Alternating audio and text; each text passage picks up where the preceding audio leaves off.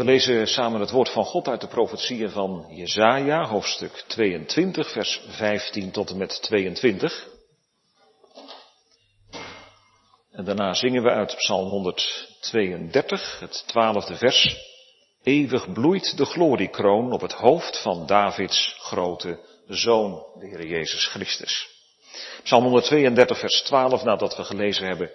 Jesaja 22, vers 15 tot en met 22.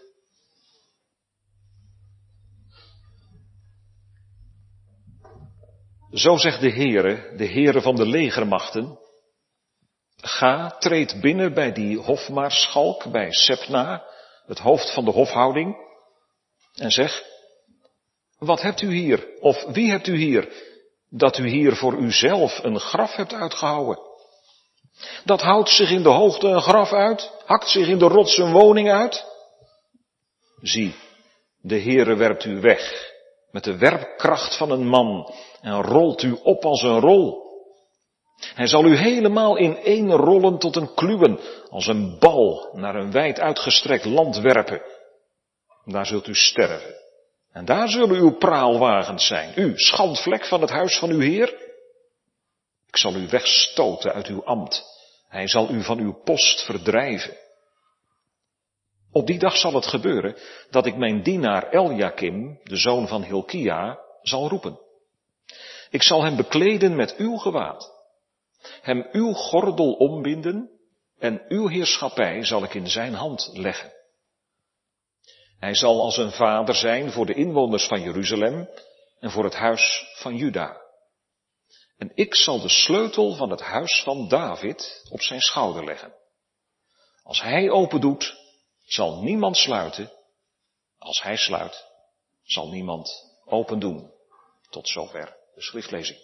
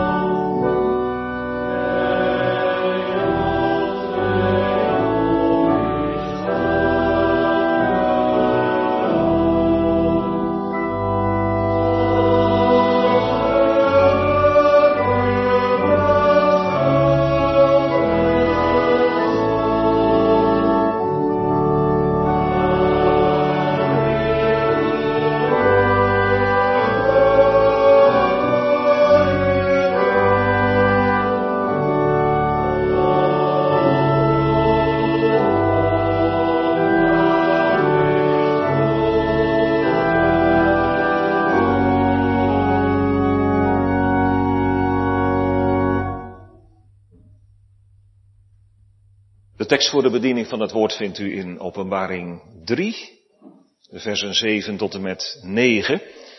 We behandelen vanmiddag het eerste gedeelte van de brief van de Heer Jezus aan Philadelphia, de zesde brief. Openbaring 3, vers 7 tot en met 9. En schrijf aan de engel van de gemeente in Philadelphia. Dit zegt de heilige, de waarachtige, die de sleutel van David heeft, die opent en niemand sluit, en hij sluit en niemand opent. Ik ken uw werken. Zie, ik heb voor uw ogen een geopende deur gegeven en niemand kan die sluiten, want u hebt weinig kracht. En toch hebt u mijn woord in acht genomen en mijn naam niet verlogend. Zie, ik geef u enigen uit de synagoge van de Satan, van hen die zeggen dat zij Joden zijn en het niet zijn, maar liegen. Zie, ik zal maken dat zij komen en aan uw voeten aanbidden en erkennen dat ik u lief heb. Tot zover. In Philadelphia bewaarden ze het woord van God. Daar gaan we samen ook van zingen uit Psalm 119. Vers 28. Ik heb, Heer, des nachts aan uw naam gedacht, uw wet bewaard. En ook van de bevelen van de Heere zegt deze dichter, ik heb die bewaard in een oprecht geweten. Vers 65. Hoe wonderbaar is uw getuigenis. Dies, daarom, zal mijn ziel dat ook getrouw bewaren. En vers 84, mijn ziel bewaart uw trouw getuigenis. Psalm 119, vers 28, 65 en 84.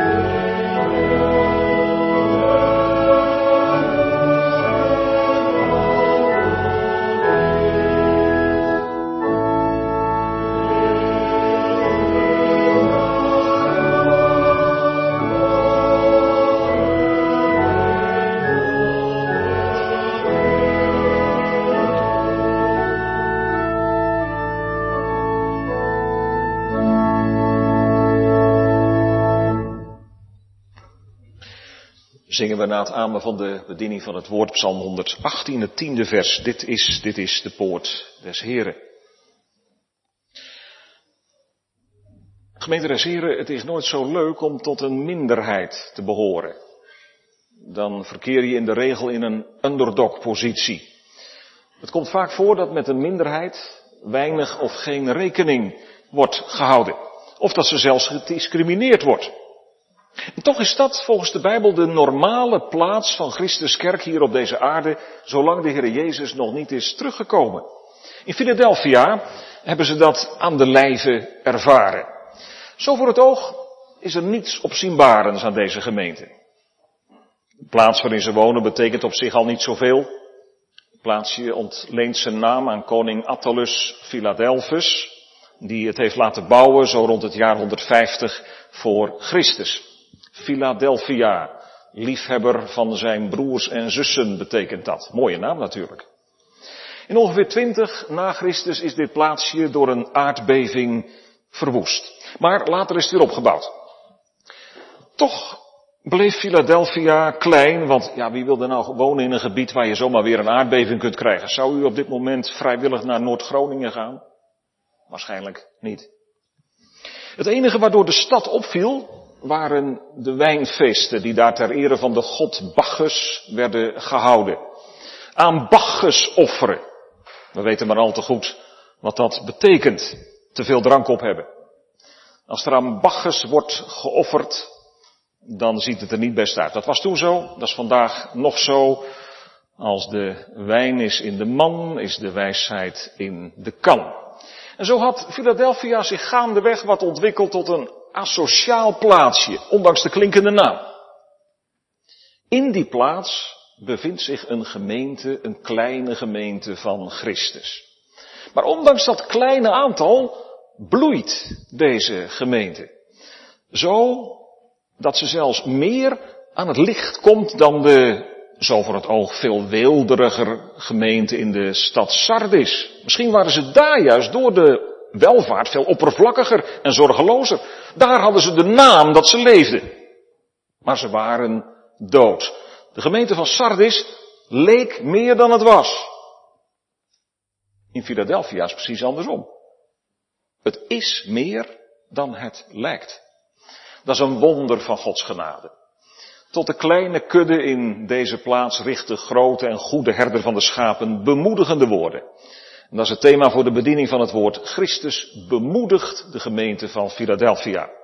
We horen van de hemelse sleuteldrager. Een kleine maar krachtige gemeente. En een geopende deur. Dus Christus bemoedigt de gemeente van Philadelphia. De hemelse sleuteldrager. Een kleine maar krachtige gemeente. En een geopende deur. De manier waarop de verheerlijkte heiland zich aan de gemeente kenbaar maakt is al indrukwekkend. Dit zegt de heilige, de waarachtige, die de sleutel van David heeft. Christus is de heilige.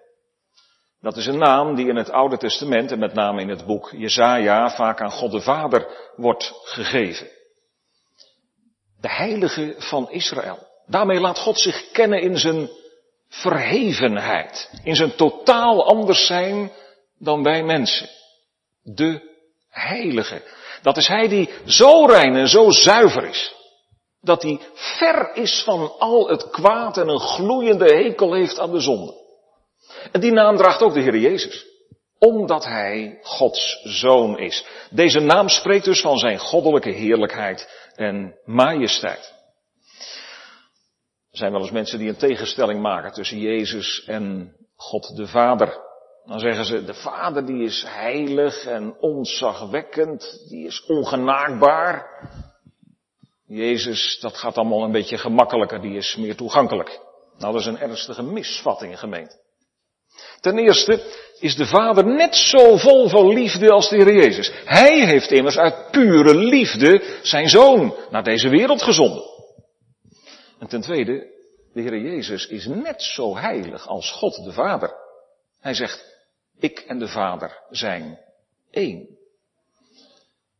Maar moet die, die majesteit, die heiligheid ons dan niet verschrikken? Moeten we dat niet net zoals Johannes in hoofdstuk 1 van deze openbaring, toen hij die verschijning van de Heer Jezus zag, als dood aan zijn voeten vallen? Onze onreinheid en onheiligheid steekt immers schril af bij zijn heiligheid. Zeker, die kant zit er ook aan. Wie kan voor de heilige bestaan? Daar geeft de Heilige Geest dan ook een indruk van, als Hij in je hart werkt. En toch gemeente, dat is nu niet wat de Heer Jezus hier specifiek bedoelt. Je moet altijd kijken naar het verband. Zijn heiligheid is juist ook een machtig evangelie voor wie oog heeft gekregen voor zijn eigen onheiligheid. Voor wie geleerd heeft onder zijn woord te buigen. Daarvoor te beven en het te bewaren. En dat deden ze daar in Philadelphia. Dat zullen we straks nog zien. Dit zegt de heilige. Dat betekent in dit verband, mijn heiligheid is u tot heil, mijn volk. U bent onheilig in uzelf, maar u bent heilig in mij. Want ik heb gezegd, Vader, ik heilig mijzelf voor hen, opdat ook zij geheiligd mogen zijn. In waarheid. Mijn volk, ik heb mij voor u overgegeven tot in de dood, om al uw onheiligheid te dragen en weg te dragen. En door dat ene offer bent u tot in eeuwigheid geheiligd voor God. Wie in mij gelooft, die mag het weten. De Vader rekent u al mijn heiligheid toe. En ik doe nog meer voor u, mijn volk. Ik leg ook de glans van mijn heiligheid meer en meer over uw leven heen. Daardoor wordt uw leven anders. U wordt geheiligd. U gaat steeds meer mijn stempel dragen, mijn beeld vertonen. En eens zult u mij helemaal gelijkvormig zijn als ik kom. Want ik laat mijn werk in uw leven niet halverwege los. Gemeente, wat ligt er dan in deze naam van de heiland een troost opgesloten? Juist als je jezelf als een onheilig mens kent, mag je vluchten naar hem die een en al heiligheid is. En dan leer je ook van hem zingen. U, heilig Godslam, loven wij. Nog een tweede naam klinkt. De waarachtige. Opnieuw een naam die ons iets doet zien van Jezus goddelijke heerlijkheid. Ook deze naam wordt voor God de Vader gebruikt. En ook dat laat zien dat Hij de totaal andere is. God is waarachtig. Elk mens leugenachtig, zegt Gods woord. Hij is de betrouwbare. Hij alleen. En dat geldt nu ook van de middelaar tussen God en mensen, Jezus Christus. Hij is de betrouwbare middelaar. Jongens en meisjes, als je over een brug moet gaan, van de ene plek naar de andere, dan wil je natuurlijk wel graag dat die brug betrouwbaar is. Anders dan zou die, die brug zomaar in kunnen storten. Nu, de Heer Jezus is de brug tussen ons, zondige mensen, en God de Vader. Alleen over deze brug kunnen wij tot God gaan. En hij is een brug die zo betrouwbaar is, hij laat niet één mens die daar overheen gaat vallen. Ga jij ook over deze brug naar God toe? Dat je bidt, Hemelse Vader, verhoor mij om Jezus wil. De Heer Jezus is betrouwbaar. Dat betekent dus ook, wij kunnen op Hem aan. Hij wint er geen doekjes om. Maar als Hij van elke gemeente een analyse maakt en ons persoonlijk leven doorlicht. En we hebben gezien, dat levert bij meer dan één gemeente een scherpe foto op, die er niet op ligt. Betrouwbaar is die foto. Maar hier ten opzichte van de gemeente van Philadelphia valt het accent ergens anders, namelijk op de betrouwbaarheid van Jezus' beloften. Mijn volk, hoezeer u ook achteruitgezet wordt door de wereld, Hoezeer u het ook zwaar kunt hebben in uw strijd tegen de zonde. Hoe fel de aanvallen van de boze ook op u kunnen zijn. Ik maak mijn beloften voor u waar. Ik laat niet één van mijn woorden ter aarde vallen. Ik sta ervoor en ik ga ervoor. En zo zijn deze twee namen een dubbele betuiging van zijn liefde voor zijn gemeente. Deze namen scheppen geen afstand, maar bedoelen hem juist heel dichtbij te brengen. Opdat u en ik hou vast aan hem zullen hebben. U, die uw zonde wel ziet, maar die twijfelt of hij u genadig wil zijn. Hij, de heilige, wil ook uw heiligheid voor God zijn. En hij, die de waarachtige is, de betrouwbare, speelt geen spelletje met u. Als hij u verzekert, die tot mij komt, zal ik geen zins uitwerpen. Hij, de heilige, de waarachtige, is ook de sleuteldrager. Kijk maar. Die de sleutel van David heeft, die opent en niemand sluit, en hij sluit en niemand opent. Nou jongens en meisjes, jullie weten wel hoe belangrijk een sleutel is. Stel je voor dat je met je ouders op vakantie bent geweest en je komt thuis en oei, de sleutel is weg. Ja, dan kun je er natuurlijk niet in. Met de sleutel kun je een huis dus open doen of juist ook afsluiten. En nu zegt de Heer Jezus ook dat Hij de sleutel heeft. Waarvan? Van het vaderhuis in de hemel. Er is er maar één die je erin laat of die je buitenslaat. En dat is Hij. Wanneer doet Hij nu de deur voor je open? Als je met heel je hart gelooft in Hem. Telkens weer vergeving van zonden aan Hem vraagt. En bidt om een nieuw hart en een nieuw leven. Maar voor wie niet met heel zijn hart in de Heer Jezus gelooft, doet hij de deur naar de hemel dicht. Dan kom je er nooit in als het zo blijft, als het niet verandert in je leven. Maar dan blijf je buiten staan. Dan blijf je altijd zonder God. Deze woorden, gemeente, krijgen nog meer diepte als we ze plaatsen tegen de achtergrond van het Oude Testament, waaruit ze genomen zijn, dat gedeelte dat we hebben gelezen uit Jesaja 22. We lezen daarover een, een zekere Sepna, het hoofd van de hofhouding van de koning.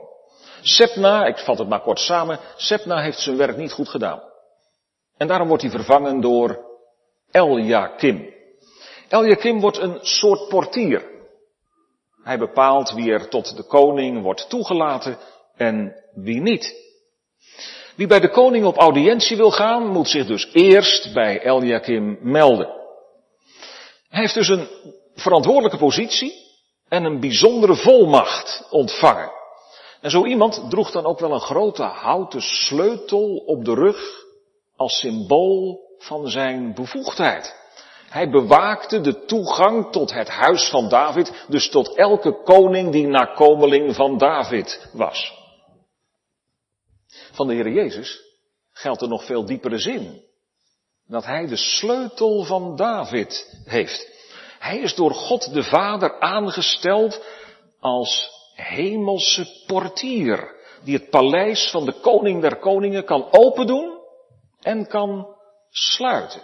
Hem is gegeven alle macht in hemel en op aarde, dus ook de sleutelmacht. Hij heeft de sleutels van hel en dood, zegt hoofdstuk 1. Maar ook de sleutels van het hof der hoven. Verlangt u naar de herstelde gemeenschap met God? Naar vergeving van uw zonden? Naar vernieuwing van uw leven, naar eeuwig leven? Heb u het ontdekt? Dat het niet genoeg is als je een kind van het verbond bent. Maar dat het aankomt op de beleving van het verbond om de schatten van de Here te ontvangen en te genieten. Wel, dan moet je bij de portier zijn.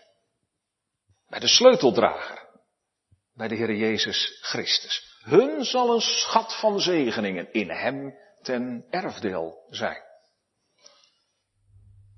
De vraag kan opkomen, is dat nu willekeur, dat Hij erin laat en buitensluit wie Hij wil? Nee, verre van dat. Wie Hij buitensluit, die staan buiten omdat zij niet binnen willen komen. Hoe vaak nodigde hij? Hoor, hij nodigt vanmiddag weer. Wie wil, laat hij komen. Gemeente, wie wil er nou niet? Ja, wie verhardt zich? Onder dit evangelie?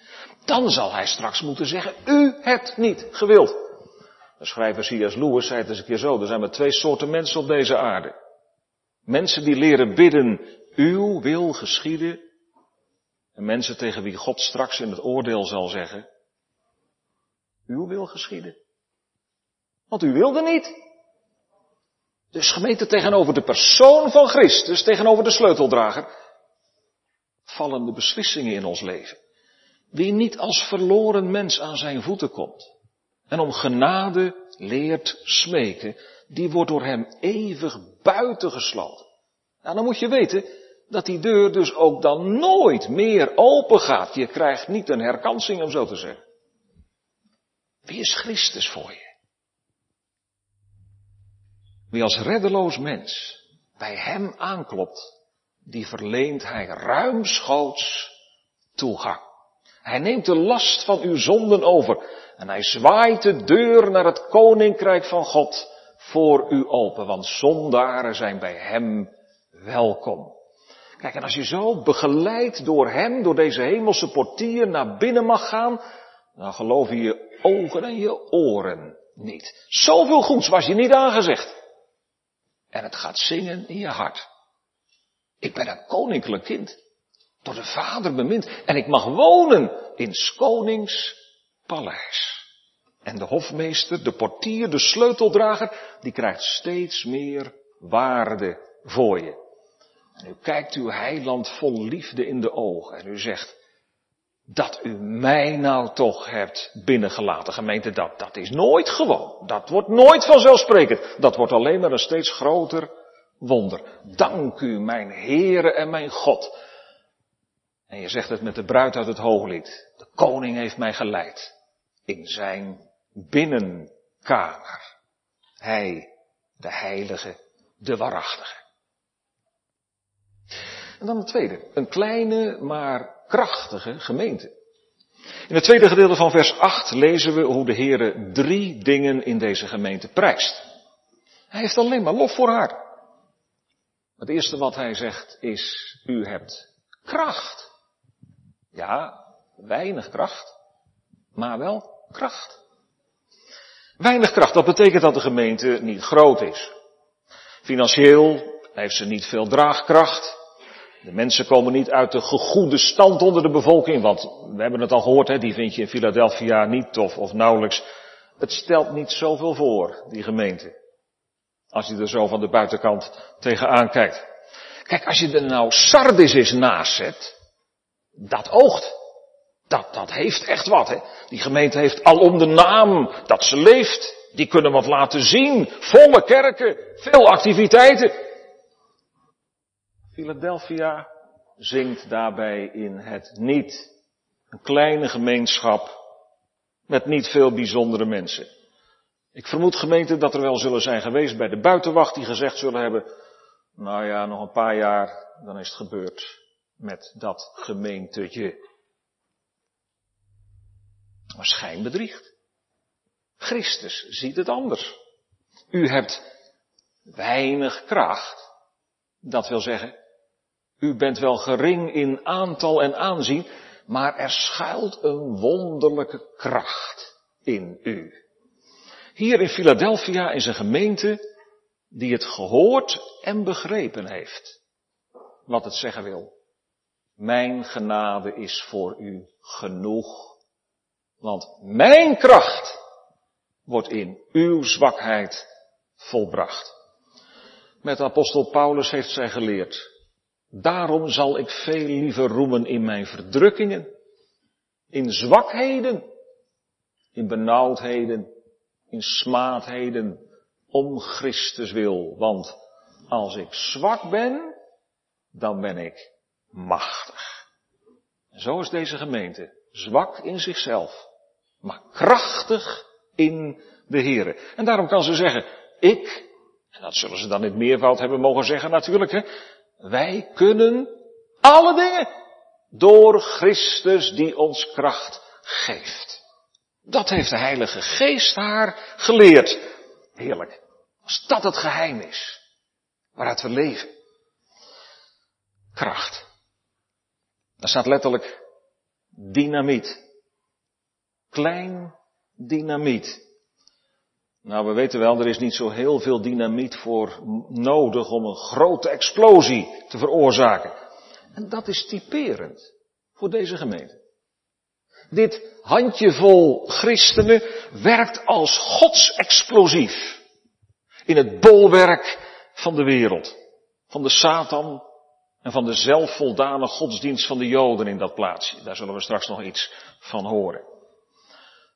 Gemeente, wanneer wij leven uit de kracht van Christus, dan vormen we ook als minderheid in de samenleving het dynamiet van God, waardoor Hij harde harten om ons heen verbreekt. Heeft het evangelie die kracht ook in uw eigen leven gehad? Daar moet het dan wel mee beginnen, uiteraard. Heeft dat evangelie ons verzet van binnen, die harde muur, opgeblazen? Het verzet gebroken? Het tweede wat de Heer van de gemeente zegt is dit. U hebt mijn woord in acht genomen. Bewaard.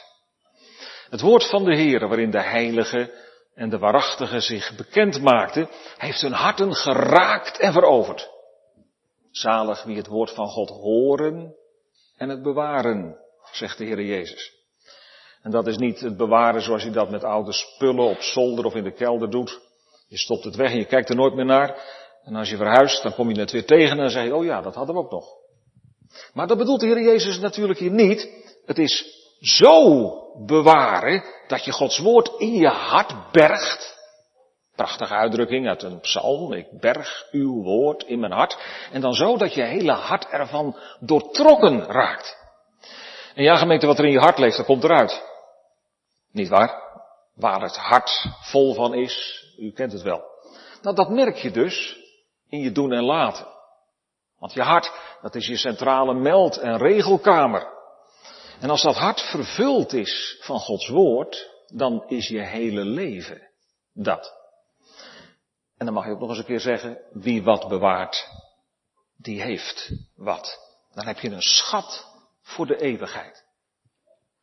Gemeente, je bent nooit rijker dan wanneer je zo het woord van God bewaart.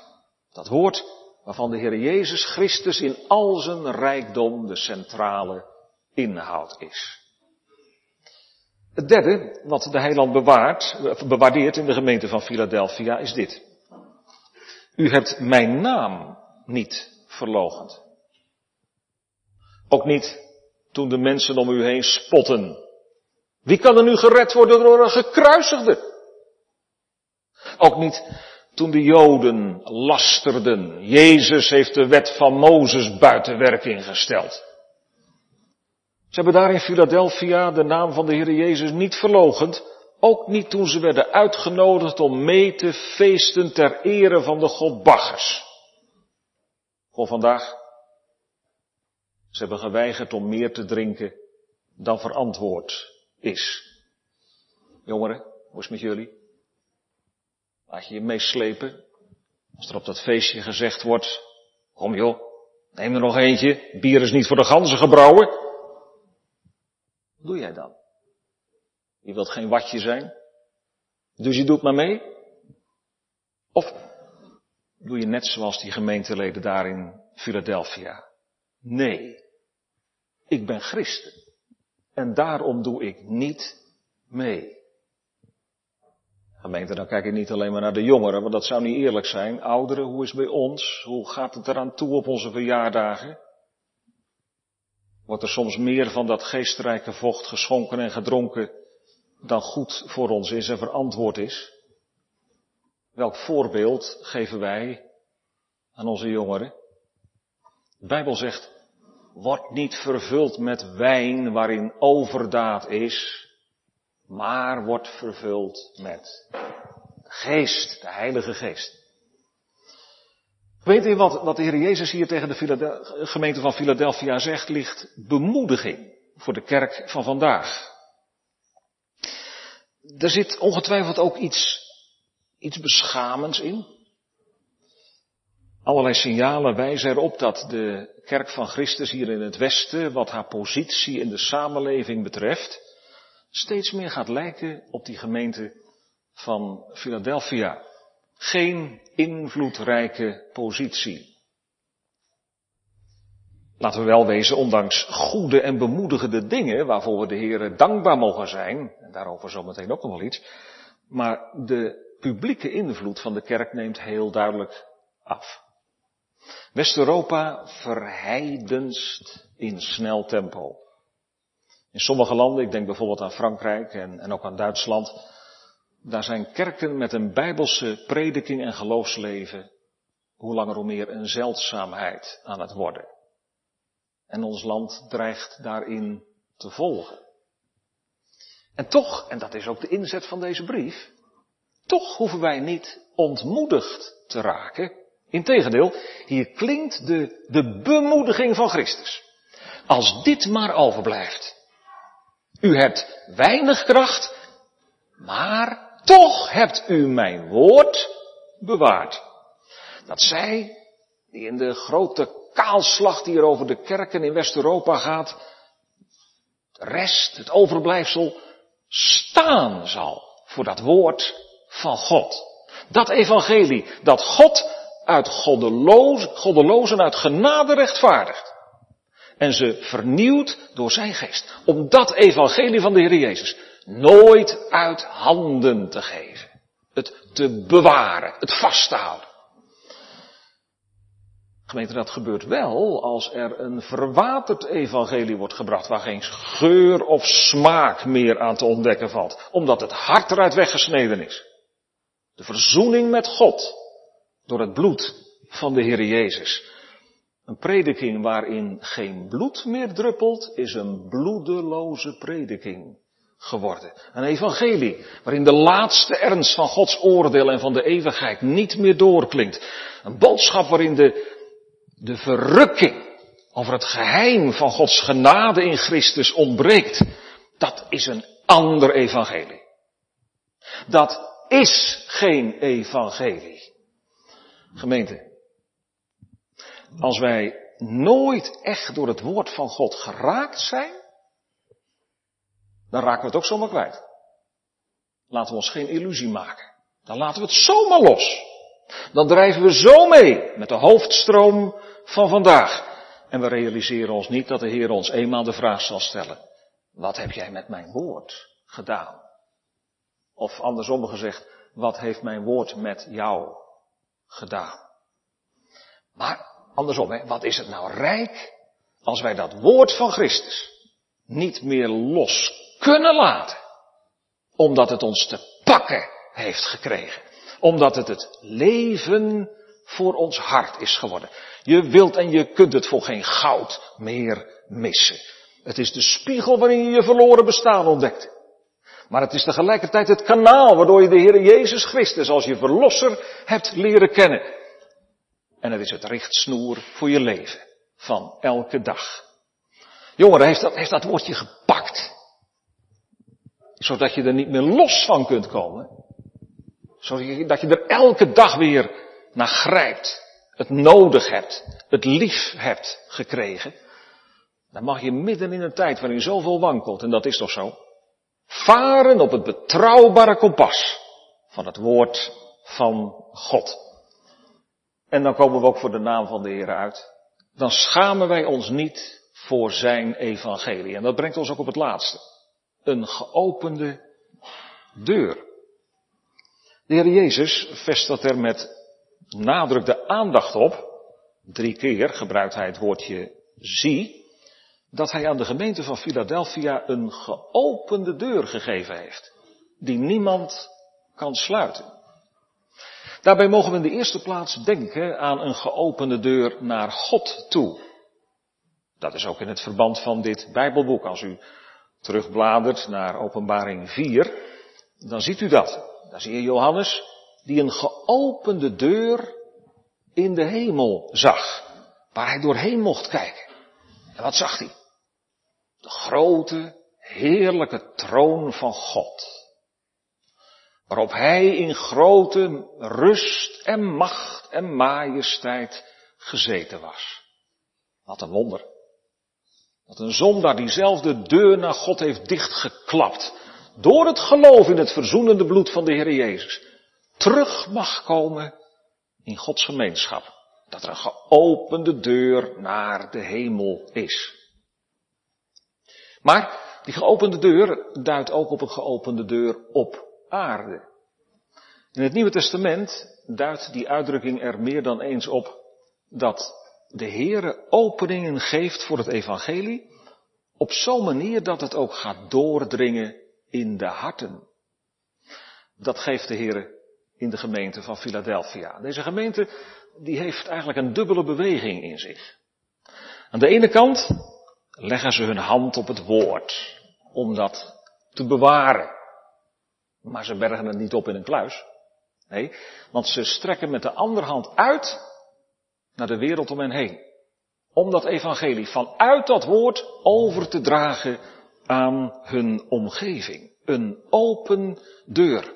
Hun kleine kracht was ook werfkracht. Het is een bekende uitspraak.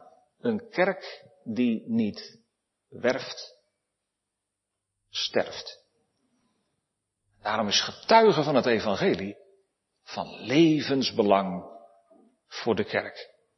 Maar dan zo dat je altijd bij dat getuigen beseft, alleen de Heere kan de deuren openen. Want elk mensenhart zit van nature op slot voor het evangelie. Gemeente, daar moeten we ons nooit een illusie over maken. Er zit geen mens van nature op het evangelie te wachten. Wij zelf niet, maar ook mensen om ons heen niet. Maar de belofte klinkt. Ik geef u een geopende deur. Telkens als er iemand tot geloof komt, is dat het werk van de Heer. En in die wetenschap worden we als kerk geroepen om te getuigen. Een vakantie Bijbelweek die nu gehouden mag worden. En op zoveel andere manieren, breed uit in het zendingswerk in deze wereld, maar ook in persoonlijke contacten die we mogen hebben. De Heere opent deuren waar je dat zelfs helemaal niet zou verwachten. Kijk u maar even mee in vers 9. Zie, weer dat zie hè, ik geef u enigen uit de synagoge van de Satan. Van hen die zeggen dat zij Joden zijn en het niet zijn, maar liegen. Zie, ik zal maken dat zij komen en aan uw voeten aanbidden en erkennen dat ik u lief heb. Misschien hadden ze in die gemeente van Philadelphia wel eens gedacht, nou ja, die synagoge, die lopen we maar voorbij, want ja, de vijandschap die waait je tegemoet. Dat wordt nooit wat. Dat is boter aan de gallen gesmeerd. En, laten we wel wezen, de Heere zegt ook scherpe dingen over deze Joden. Ze zijn het alleen maar in naam, zegt hij. Een Jood die Jezus verwerpt, is in de diepe geestelijke zin van het woord geen Jood. De Heer zegt het zelfs zo, ze liegen. Ze zijn, zo heeft hij het zelf ook een keer gezegd, ze zijn uit de vader de duivel, die een leugenaar is vanaf het begin, ondanks dat ze zich beroemen en beroepen op vader Abraham. Maar ze wandelen niet in de voetstappen van het geloof van vader Abraham. Maar kijk nu eens gemeente. Wat een wonder. Zelfs Joden, die zich met hand en tand verzetten tegen Christus. En die de gemeente, daar in Philadelphia, te vuur en te zwaard vervolgen, zij zullen komen tot Christus. En als een teken dat ze door zijn geest en woord overwonnen zijn, buigen ze in het midden van die gemeente neer. Zij komen aan door het goddelijk licht geleid en, en ze vragen het dringend. Vertel ons toch hoe wij behouden kunnen worden van Gods toren. Vertel ons Over Jezus Christus, van wie wij zien dat Hij jullie lief heeft, want het straalt van jullie af. Kijk gemeente, dan maak je als gemeente een Jood jaloers, verlangend om ook die Heere Jezus te leren kennen. En dat is heel opmerkelijk wat hier gebeurt. Wat wij in het Oude Testament, in Jesaja 60 lezen over heidenen die zich voor Israël neerbuigen, vinden we hier precies andersom. Joden die zich voor heidenen neerbuigen. Het kan verkeren. Paulus zegt ergens, door de val van de Joden, omdat zij Christus verworpen hebben, is het heil tot de heidenen gekomen. Om vervolgens dan de Joden weer jaloers te maken. Maar als dan de val van de Joden de rijkdom voor de heidenen betekent, hoeveel te meer de volheid van de Joden, dat wil zeggen, als ze tot bekering komen. En wat daar in Philadelphia gebeurde, gemeente, dat zal nog een geweldige voortzetting krijgen. In de bekering van heel Israël die Gods woord ons belooft. En laten wij als gemeente maar voortdurend bidden om de vervulling van die bijzondere belofte. De Heere gaat op een machtige manier door om deuren in deze wereld te openen. Vaak op zo'n verrassende wijze. Van landen en volken die gesloten waren voor het evangelie. Van harten die de toegang tot hem blokkeerden. Is uw, is jouw hart al open gegaan. Als Christus de deur van ons hart opent, dan leren wij Hem kennen als de deur tot de Vader. En als ik dan voor die deur sta, dan zeg ik, zo u in het recht wil treden, heren, dan gadeslaan mijn ongerechtigheden. Heren, dan kan ik voor u niet bestaan. Maar door het geloof gaande door die deur wordt het tot de zekerheid in mijn hart. Maar nee, daar is vergeving. Altijd bij u geweest. Zo worden heidenen gered en Joden behouden. Door die ene deur, Jezus Christus. En ze zingen het samen met die oude psalm van Israël. Dit is de poort des Heren. Daar zal het rechtvaardig volk doortreden. Amen.